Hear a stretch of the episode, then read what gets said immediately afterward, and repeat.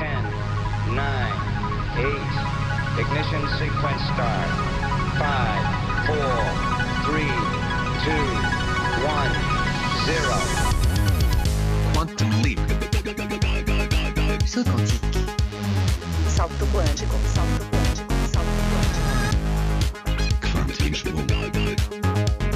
Salto quantico. Salto quantico. Salto quantico. Kvantum, det du inte visste att du ville veta. Ögonblick som blir fångade och förevigade i tiden har alltid fascinerat mig oerhört mycket. Eller vad sägs om det här? Föreställ dig en grupp med lekande barn på stranden. Det är en blåsig men varm sensommardag på den franska Atlantkusten för 80 000 år sedan. De är neandertalbarn. Våra förfäder har inte kommit till Europa ännu i det här skedet. Barnen springer över sanden och jagar varandra. Sisten i vattnet är en rutten sill, eller hur man nu sa det på den tiden. Deras fötter gör avtryck i sanden. Avtryck som i normala fall skulle raderas av vågorna rätt så fort. Vågorna som sköljer stranden. Fast inte den här gången. Vinden blåser sand över fotavtrycken som täcks in och blir till spöklika spår av en flyktig lek som fastnar i tiden. 80 årtusenden senare hittar franska arkeologer dem och mellan åren 2012 och 2017 penslar de omsorgsfullt sanden från de 257 fotspåren. Den som vill se spåren kan läsa senaste numret av Proceedings of the National Academy of Sciences. Där finns de. Spåren alltså. Barnen som lämnade dem. Vad blev det av dem? Ja, no, det kan ju var och en fundera på själv. Markus Rosenlund heter jag, hur som helst. Det ska handla en del om spår faktiskt i veckans kvanthopp. Om spåren som vi lämnar i dagens värld. Framtiden finns här redan nu, menar ekonomihistorikern Jenny Andersson, en av författarna bakom boken Slaget om framtiden. Vi bidrar till att utforma framtiden varje dag med det som vi gör. Det är en ganska enkel idé, nämligen att allt det som vi gör, alla beslut som vi fattar, oavsett om det är i vårt privatliv eller i, vårt stora offentliga liv, inklusive våra samhällsinstitutioner, politiken, näringslivet, allt det sätter spår. Så ska vi också höra om veckans stora spännande rymdnyhet. För första gången har forskarna kunnat bekräfta existensen av vatten i flytande form på en planet i ett annat solsystem. Vad betyder det här bland annat för chansen att hitta utomjordiskt liv? Det ska vi gå in närmare på senare, efter notiserna som följer nu.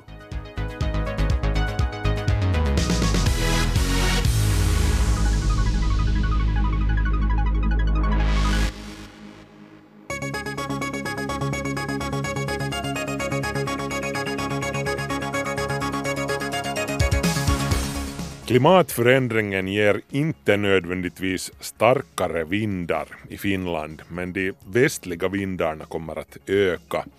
Det här är en liten färsk studie från Meteorologiska institutet. Vi kommer med andra ord inte att se någon märkbar ökning av hårda vindar och stormar. Den viktigaste förändringen kommer enligt FMIs datormodeller att bli att vi får in allt mer vindar från väst och sydväst medan de hårda ostliga vindarna blir mer sällsynta. Det här har en viss betydelse till exempel för byggnader med fasader som vetter mot väst och syd. De kommer att utsättas för mer regn vilket kan ge ökade fuktskador.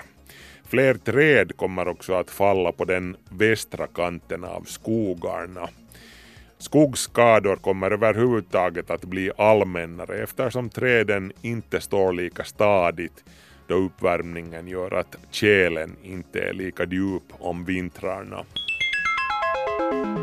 Tidigare i veckan presenterade Apple den senaste versionen av iPhone som går under namnet iPhone 11. Det var en trio av nya iPhone 11 som visades upp på Apples höstmässa. Den billigare basmodellen som bara heter iPhone 11 och sedan flaggskeppsmodellerna 11 Pro och 11 Pro Max med större skärm.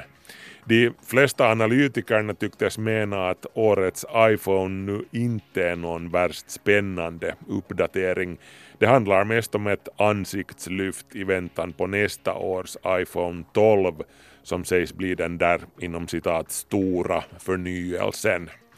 Den främsta tekniska nyheten med årets version handlar huvudsakligen om kameraenheten som nu består av tre separata kameror i Pro-modellerna. Den tredje linsen är en supervidvinkel som motsvarar 13 mm brännvidd, något som konkurrenterna i Android-lägret redan har kunnat bjuda på ett tag. Samtidigt med iPhone 11 släpps också nyaste versionen av operativsystemet iOS 13.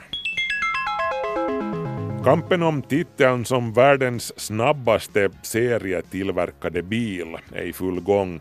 I början av september satte Bugatti, tillhörande Volkswagen-gruppen, nytt hastighetsrekord med 490 km i timmen med modellen Kiron. Målet var då att ta sig över den magiska gränsen 300 miles per hour, ungefär 483 kilometer i timmen. Men svenska Königsegg meddelar nu att deras kommande modell Jesco snart kommer att förpassa Bugattis rekord till sophögen.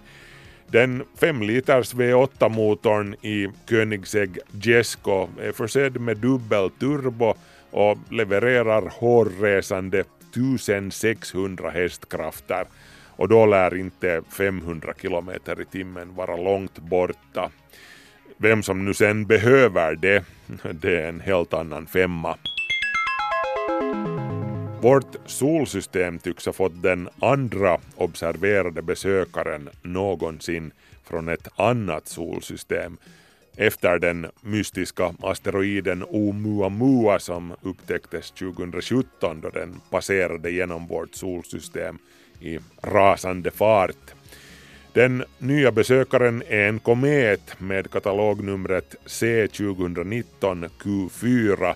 Den kallas också Borisov efter sin upptäckare. Vi har inte ännu den slutgiltiga bekräftelsen på att Borisov faktiskt har en bana som innebär att den inte härstammar från vårt eget solsystem. Men forskarna beskriver ändå den redan nu som mycket ovanlig. Inte minst med tanke på att Borisov rör sig med hela 30 kilometer per sekund, vilket är mera än 100 000 kilometer i timmen.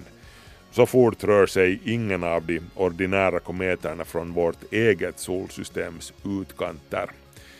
Nära jorden kommer Borisov inte, då den är som närmast kommer avståndet att vara två gånger avståndet från solen till jorden.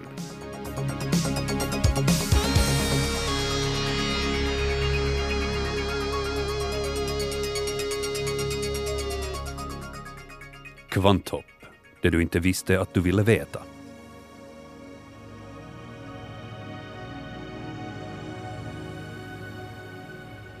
För första gången någonsin har man kunnat bekräfta att det finns vatten på en planet i ett annat solsystem.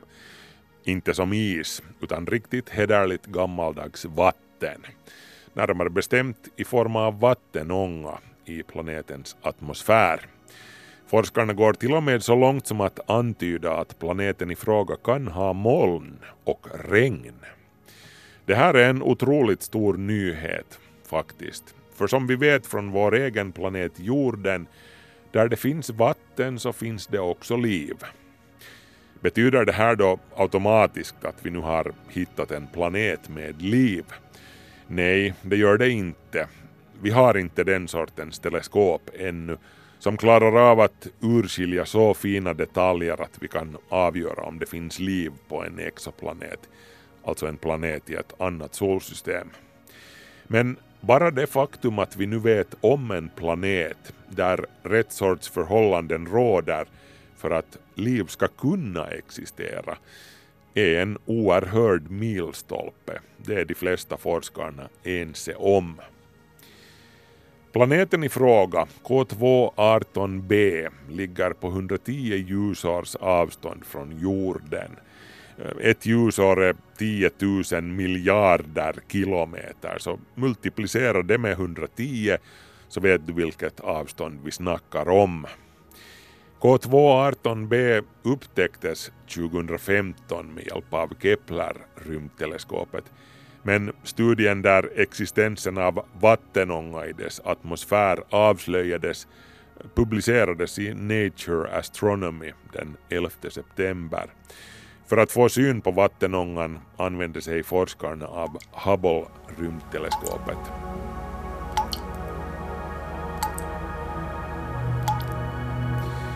Vi talar alltså om en så kallad superjord. Som superjordar brukar räknas jordliknande stenplaneter med en storlek som är större än jordens men mindre än Neptunus vars massa är 17 gånger jordens.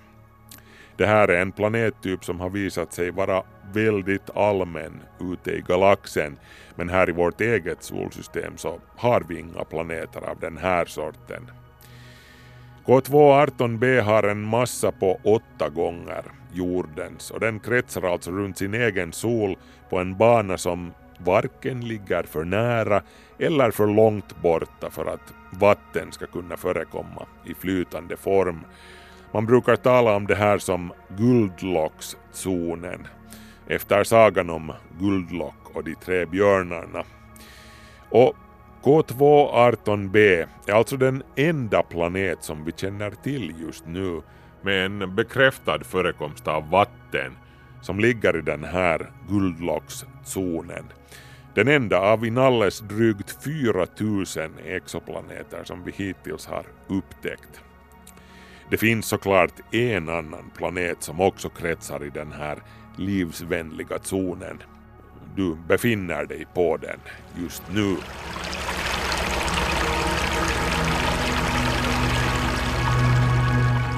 Men utöver det här med att både K2-18b och jorden kretsar på ett för livet bekvämt avstånd från sina solar så är skillnaderna mellan våra två världar ganska så stora.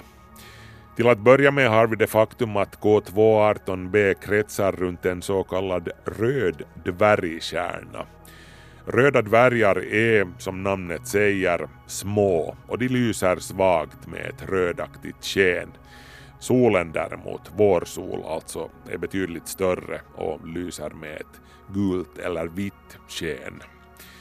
Röda dvärgar är den vanligaste typen av stjärnor i vår galax men de är lite svåra att få syn på eftersom de lyser så svagt. De är liksom rymdens stearinljus. Att röda dvärgstjärnor är så små innebär att den så kallade guldlockszonen runt dem ligger mycket närmare själva kärnan än till exempel jordens bana ligger från vår sol. K2-18b till exempel fullbordar ett varv runt sin kärna på bara 33 dagar. Ett år på K2-18b är med andra ord bara lite längre än en månad här på jorden. Det faktum att en röd dvärgkärnas planet typiskt nog ligger väldigt nära sin kärna betyder också att planeten i fråga sannolikt har en rotation som är låst till sin kärna av gravitationen, så där som månen är i förhållande till jorden. Det här gäller också för K2-18b som högst antagligen alltid vänder samma sida mot sin sol. Och det här betyder alltså att det är permanent dag på ena sidan av planeten och permanent natt på den andra. Betyder det här då alltså att dagsidan är stekhet och att den andra är djupfryst? vilket ju skulle vara lite dåliga nyheter för eventuellt liv. Inte nödvändigtvis, påpekar forskaren Ingo Waltman, en av forskarna bakom nyheten om K2-18b i ett pressmeddelande. En gravitationellt låst planet kan vara beboelig, menar han. Datormodellerna låter förstå att beroende på atmosfärens sammansättning så kan värmen från dagsidan mycket väl distribueras relativt jämnt också till nattsidan. Och det faktum att K2-18b har vattenånga i sin atmosfär kunde ju tyda på att så är fallet just på den här planeten.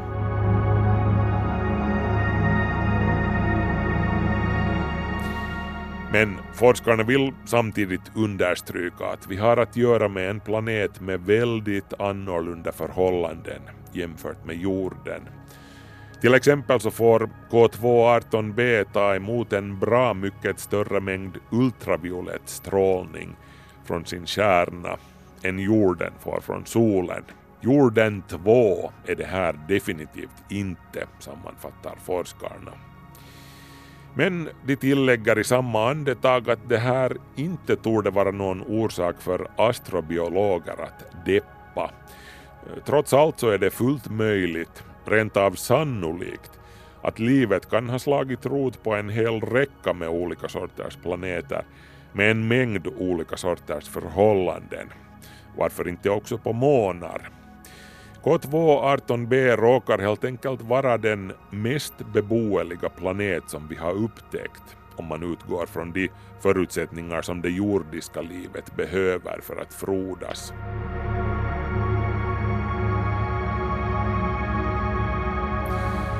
Eh, som sagt så har vi inte ännu några teleskop med den kapacitet som krävs för att avgöra den här frågan om eventuellt liv på K2-18b eller på någon annan exoplanet heller för den delen.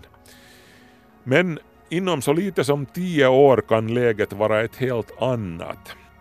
Nya rymdteleskop som det kommande James Webb Space Telescope till exempel, Hubble-teleskopets efterföljare, kommer att vara så kraftfulla att det kan bli fullt möjligt att se på K2-18bs atmosfär och avgöra huruvida det finns gaser där som bara kan ha producerats av levande varelser.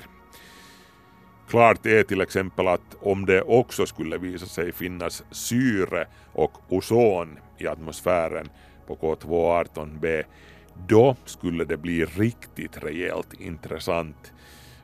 Fast inte ens då skulle det ännu riktigt räcka till för att säga med 100% säkerhet att det finns liv där. Men i något skede i framtiden kommer vi att ha teleskop som kan till exempel urskilja grönt, med andra ord eventuella stora skogar på planetens yta, om de finns där. Och senast då får vi ta en allvarlig funderare på det här med hur unika vi egentligen är i universum. Fast eh, vi ska kanske inte gå händelserna i förväg. Vi är som sagt långt ifrån där ännu. Men nyheten om vattnet på K2-18b är definitivt ett litet steg på den vägen.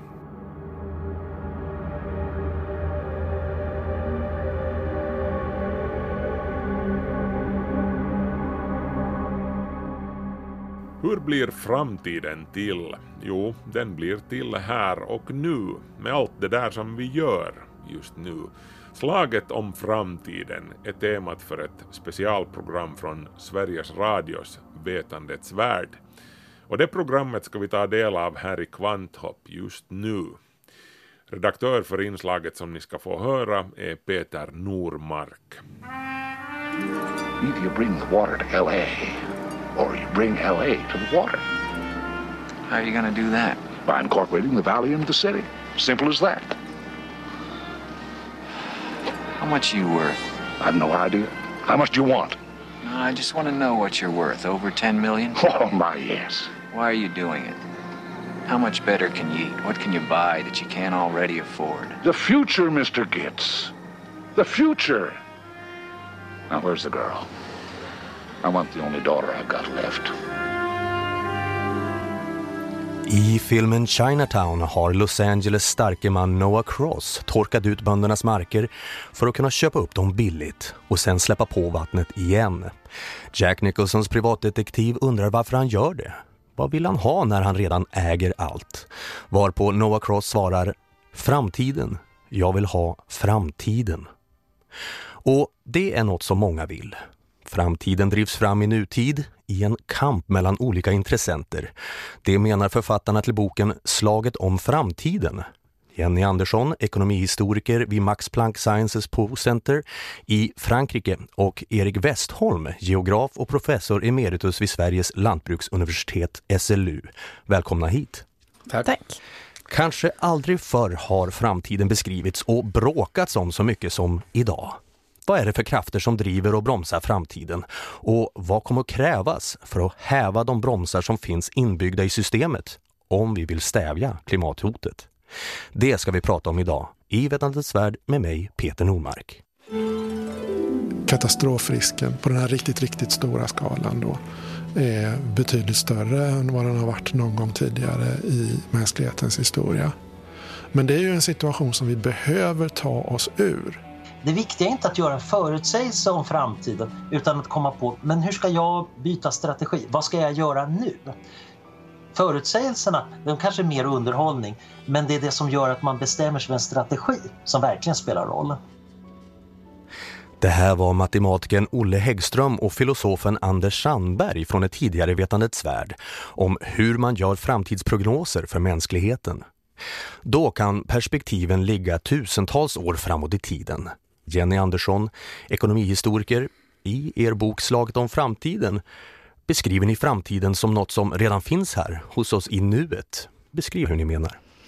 Det är en ganska enkel idé, nämligen att allt det som vi gör, alla beslut som vi fattar, oavsett om det är i vårt privatliv eller i, vårt stora offentliga liv, inklusive våra samhällsinstitutioner, politiken, näringslivet, allt det sätter spår. Och det sätter rent fysiska spår. Det är ju klimatfrågan det bästa exemplet på. Tillväxtsamhället sätter spår. Så vi sätter spår över tid. En del av de spåren är ganska, eh, ganska kortsiktiga så vi märker dem fort. Ett sopberg växer fort. Andra spår är väldigt, väldigt långsiktiga. Och ju mer långsiktiga de här spåren är desto svårare verkar vi ha att förstå vad de handlar om, dess konsekvenser och framförallt har vi väldigt svårt att inlämna de här spåren när vi gör det vi gör i nutiden. För det är ju där som vi skulle kunna ta ansvar för spåren. Vi är egentligen inte alls inne på det här med prognoser och gissningar och prediktioner i den här boken. Vi diskuterar framtidens betydelse i dagens samhälle och för samhällsutvecklingen nu.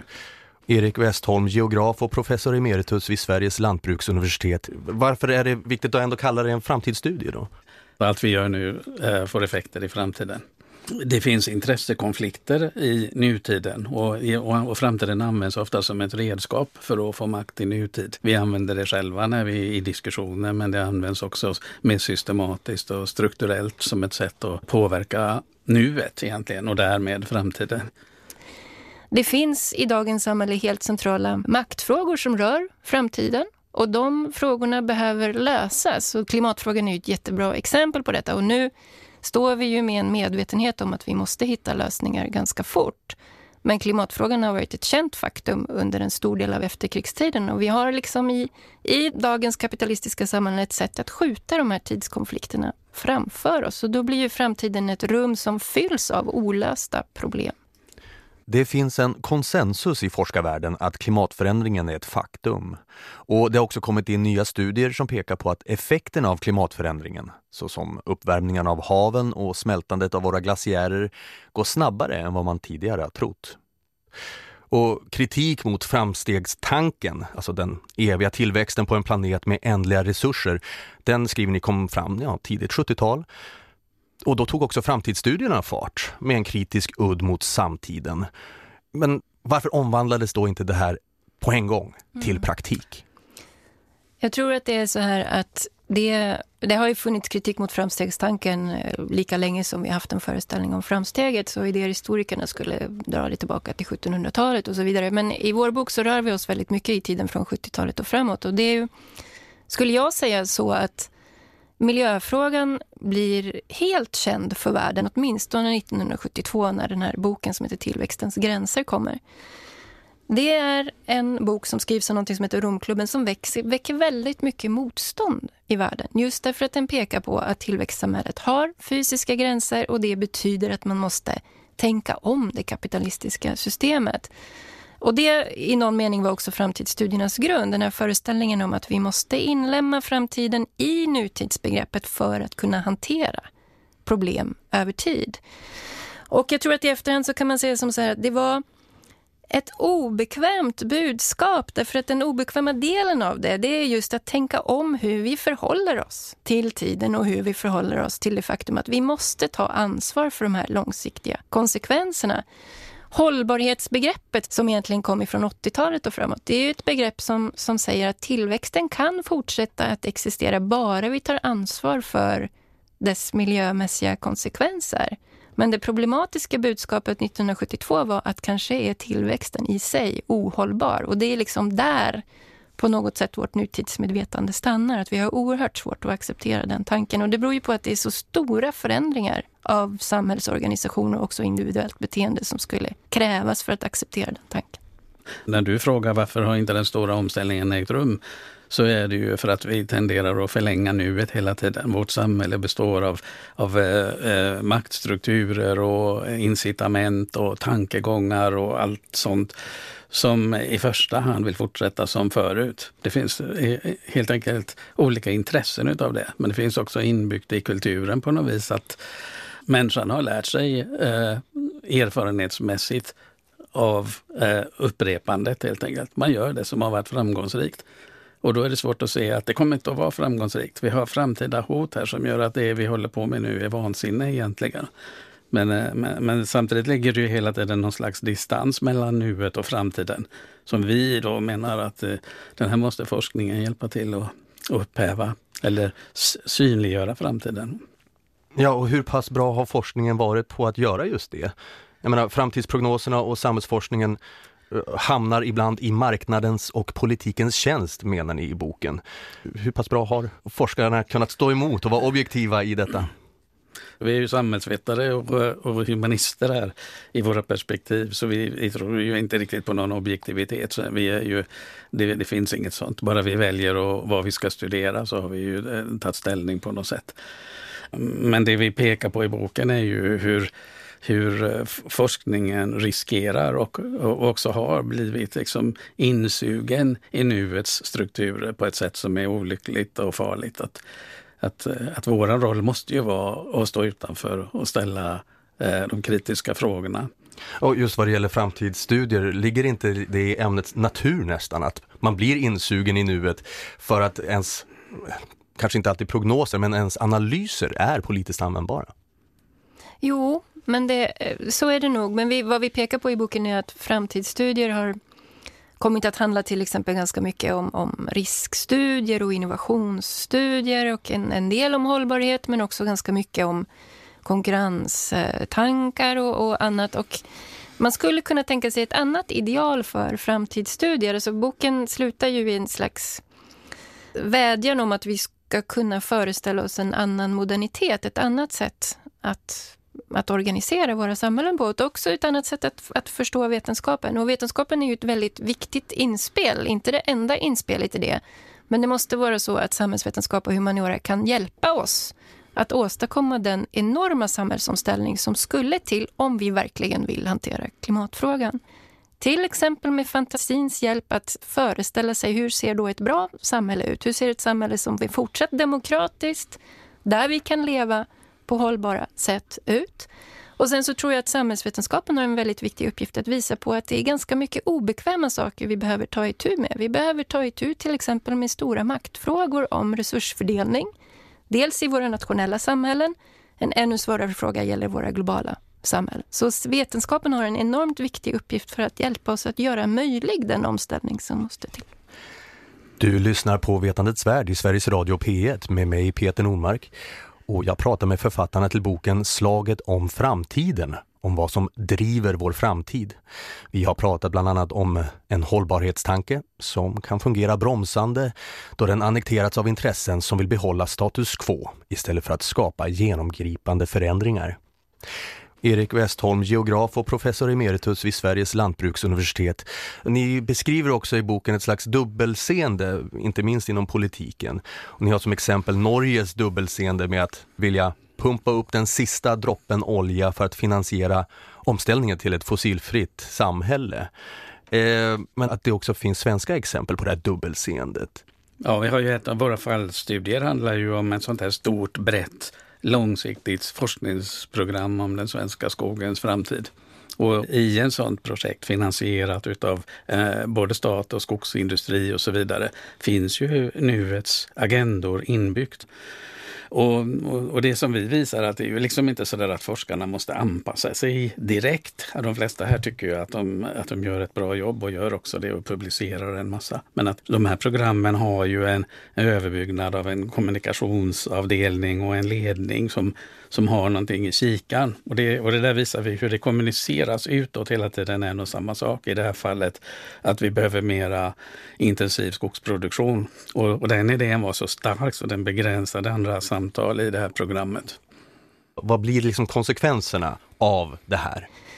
Att vi i Sverige hävdar att den svenska skogen är en koldioxidsänka och binder koldioxid.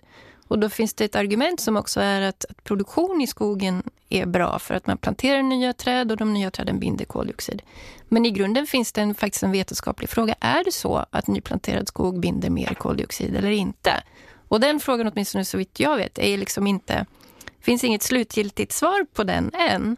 Och en av de saker som vi då visar i boken är att det blir problematiskt när man av vad ska man säga, industripolitiska och politiska tillväxtpolitiska skäl bestämmer sig för att jo men så är det, den svenska nyproducerade skogen den binder mer koldioxid än den gamla skogen och då kan vi avverka. Det blir ju väldigt problematiskt om det skulle visa sig att det rent vetenskapligt inte är så. Och det är precis den typen av resonemang som vi visar som väldigt viktiga, det vill säga att det finns vid varje tidpunkt olika framtidsbilder. Det finns olika framtidsbilder kring skogen och kring vad skogen ska vara. Det andra exemplet handlar om Arktis och där finns det också väldigt olika framtidsbilder om vilken slags kontinent Arktis ska vara och vilken slags resurs den är. Och det som är intressant för oss är ju hur kommer det sig att från den här mångfalden av olika framtidsbilder blir vissa bilder styrande? Hur kommer det sig till exempel att Sverige som inte har egen olja som Norge eh, anser att det är, är bra? Det står faktiskt så i Sveriges arktiska strategi att vi får en fortsatt utvinning av olja och gasresurser i Arktis därför att det kommer att vara bra för den svenska industrin. Ja, det jag tycker det är ett klockrent exempel på hur ett tillväxtpolitiskt eller geopolitiskt tänkande tar överhanden. För att det är ju naturligtvis i första hand en katastrof om isen smälter i Arktis. Det är i andra hand en möjlighet. Det är inte i första hand en ekonomisk möjlighet. Därför att det kommer att drabba hela världen på extremt allvarliga sätt. Ja, det blev ju väldigt tydligt nu när, när Donald Trump ville köpa Grönland. Att, att det, finns, det var ju egentligen en klimatdiskussion som de skulle ha i Danmark som han avstod från det. Men det var ju väldigt tydligt att det är Grönlands uppvärdering i den globala ekonomin som var anledningen till det här utspelet. Här finns stora möjligheter när trafiken börjar gå eh, norrut istället när isen smälter. Så de här förhoppningarna eh, som egentligen är knutna till att katastrofen faktiskt inträffar visar den absurda situation som vi är i. I er bok så beskriver det lite som att man velat äta kakan och ha den kvar. Det vill säga att man inom ramen för ökad tillväxt och den alltmer globaliserade ekonomin trott sig kunna jämna ut klyftorna och hantera klimatförändringen. Varför går inte det?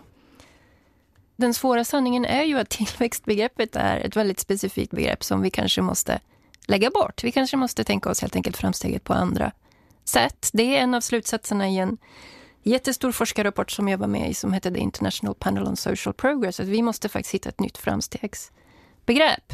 Det är också så här om man, om man som ekonomhistoriker tittar till historien så är det så att det finns nästan ingen ekonomisk aktivitet som inte avger klimatavtryck. Så det är svårt att rent fantasimässigt komma på vad skulle det vara för ekonomisk aktivitet som är helt hållbar. Så att vi kanske måste ta den problematiska läxan till oss och inte se det som slutet för det moderna samhället utan som början på någonting nytt.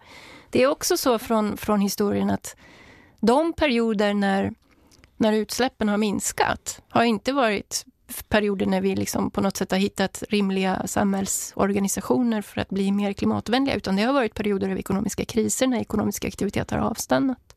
Och det är också något som vi skulle kunna lära oss av att vi har liksom ett antal möjliga scenarier framför oss. Det finns ett mycket teknikoptimistiskt scenario. Att den nya tekniken, artificial intelligence och så, kommer att hjälpa oss med det här. Det är jag inte så övertygad om. Det finns ett mycket dystopiskt scenario om att vi kommer att få en klimatkollaps. Och då kommer ekonomisk aktivitet att avstanna och då kanske vi klarar koldioxidmålet.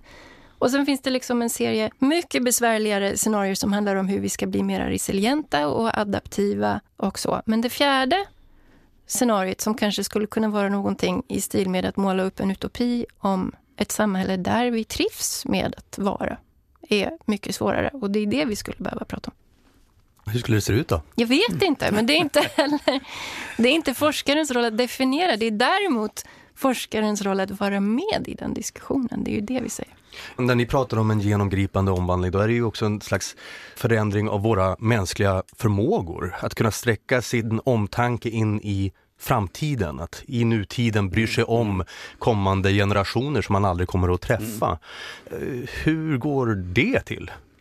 Det här tycker jag är intressant för det finns faktiskt ett ganska skeptiskt grundantagande om att människor är rationella varelser som sätter sin egen nytta först och därför så klarar vi inte av att tänka, omfamna framtida generationer. Jag tror inte det är sant.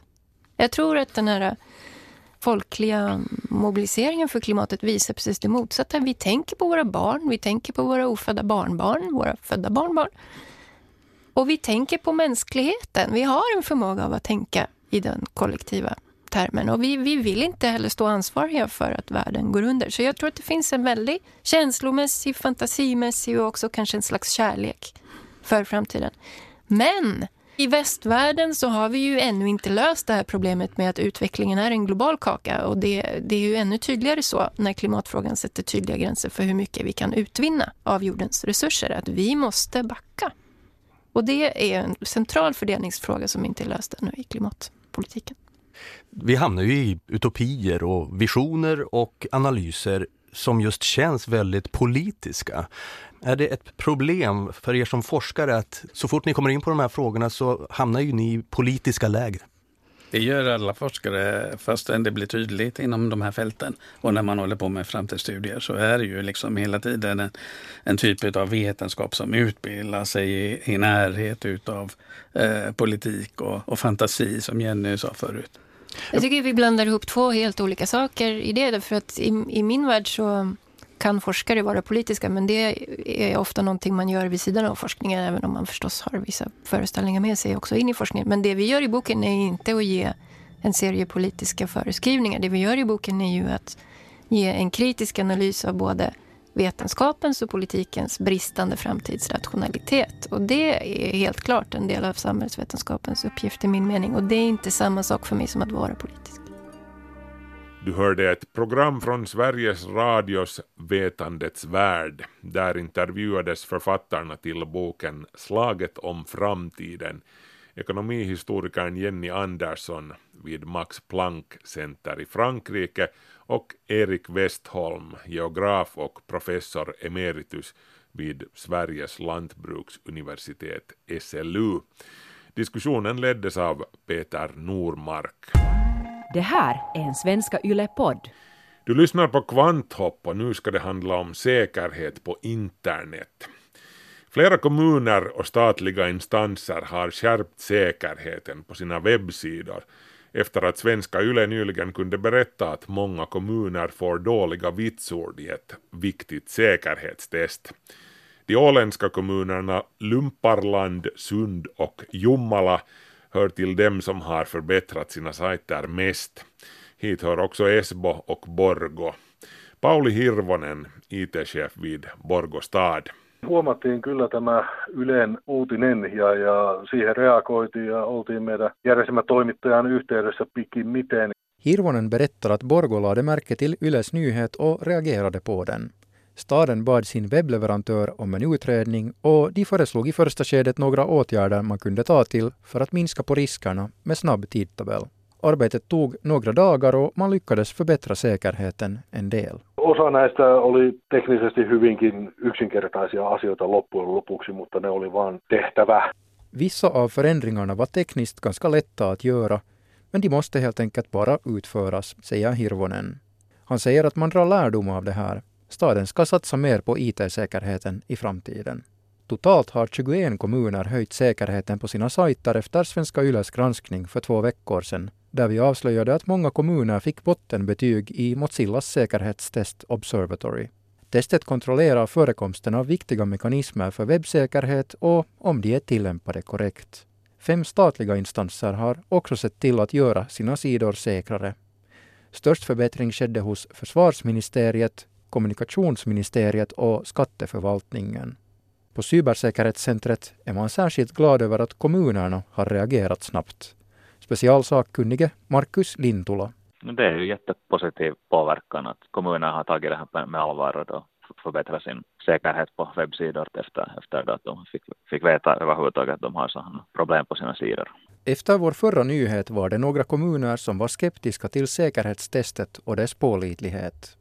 Men Lintula på Cybersäkerhetscentret betonar att Mozillas säkerhetstest kollar upp flera viktiga saker och ger en indikation om hur väl man har satsat på säkerheten, även om resultatet förstås inte är en absolut sanning. Han påpekar att testet till exempel kollar om sidan använder SSL-kryptering och att den gör det på rätt sätt, och om en sajt tillåter klickkapning. Det är en typ av attack som lurar användare att klicka på skadligt innehåll. Pauli Hirvonen på Borgostad kommenterar att det är beklagligt att staden fick underkänt i Mozillas säkerhetstest före Svenska Yles granskning. Joo, se on valitettavaa ja, ja, ja siinä taas ollaan opittu, että niin ei olla ehkä säännöllisesti niin testattu tätä meidän julkiwebbisaittia. Vi har inte testat vår offentliga webbplats regelbundet och vi har litat allt för mycket på att vår webbleverantör ska sköta saken, säger han. Siitä tietysti Ylellekin kiitos, että tämä nousi meidän tutkalle tämä asia ja päästiin siihen nopeasti kiinni. Ett tack till Yle att vi fick upp ögonen för det här och kunde reagera snabbt, säger Hirvonen. Han påpekar att man drar lärdom av situationen. Kommuner har också överlag börjat ta IT-säkerheten på större allvar på sistone efter flera allvarliga IT-incidenter där dataintrång har skett. Tommy Kartavi som jobbar vid Kommunförbundet som direktör med fokus på informationssamhället säger att det säkert finns mycket kvar att förbättra. Kyllä siinä parannettavaa aivan varmasti, että nämä, nämä tota, julkisuudessa olleet tapaukset on tietysti vain jäävuoren huippu, eikä, eikä tämmöiset niin kuin tietoturvauhat ole tässä mitenkään vähenemään päin, pikemminkin päinvastoin. De fall som har varit synliga i offentligheten är förstås bara toppen av isberget och IT-hoten kommer inte att minska i framtiden, snarare tvärtom, kommenterar Kartavi. Kommunförbundet har också tagit en lite aktivare roll och har börjat samarbeta med Cybersäkerhetscentret. En första åtgärd är att Kommunförbundet nu under hösten skickar ut ett brev till alla kommuner med viktig information om webbsäkerheten. Ja sen lisäksi sitten perustetaan tämmöinen tietoturvavastaavien verkosto, eli, eli kunnista pyydetään ihmisiä nimeämään tähän verkostoon joku henkilö, joka sitten osallistuu sen toimintaan ja saadaan näin, näin sitten tietoa vielä kulkeen paremmin.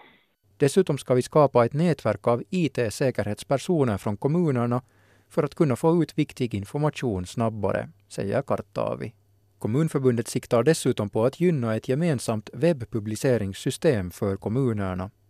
Ett system som ska bygga på öppen källkod och som lättare kunde hållas uppdaterat. Silloin, silloin se antaa mahdollisuuksia myös siihen, että, että kun yhdessä kehitetään, niin sitten voi vähän enemmän satsata siihen ja huolehtii myös paremmin siitä turvallisuudesta.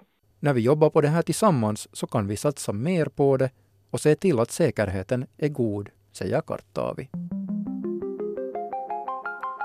På svenska.yle.fi kan du se en lista på alla de webbsidor som nu får bättre säkerhetsvitsord. Reporter här var Niklas Fagerström. Kvanthopp. Sikta mot stjärnorna. Det ska jag göra så gott jag kan. Nästa vecka hör ni sen om jag har träffat. Markus Rosenlund tackar nu för sällskapet. Vi hörs om en vecka. Hej så länge.